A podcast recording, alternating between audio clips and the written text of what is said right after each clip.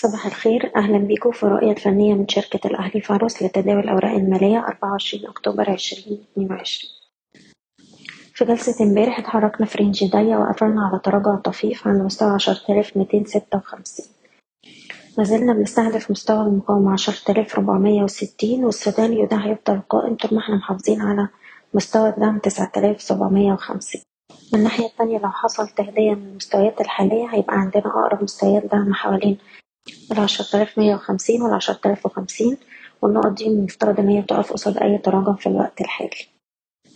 بالنسبة لسهم أبو قير بنركز على المنطقة السعرية ما بين تلاتة وعشرين سبعين تلاتة وعشرين أربعين ودي منطقة جيدة لإعادة الشراء مرة تانية.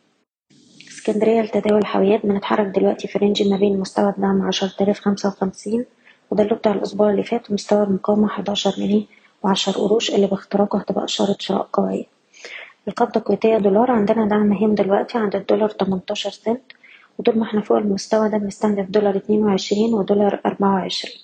سهم رامدة عندنا دعم هام عند اتنين جنيه سبعة وخمسين. بنحتفظ فوق المستوى ده وطول ما إحنا فوقيه بنستهدف اتنين أربعة وتمانين واتنين ستة وتسعين.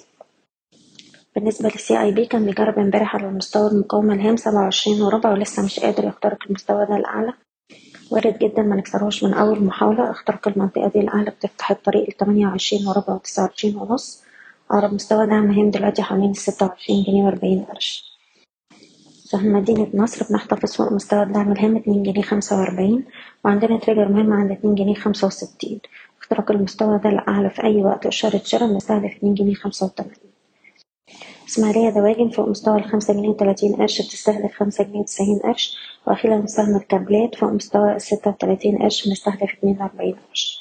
بشكركم بتمنى لكم التوفيق. إيضاح الشركة غير مسؤولة عن أي قرارات استثمارية يتم اتخاذها بناء على هذا التسجيل. شكرا.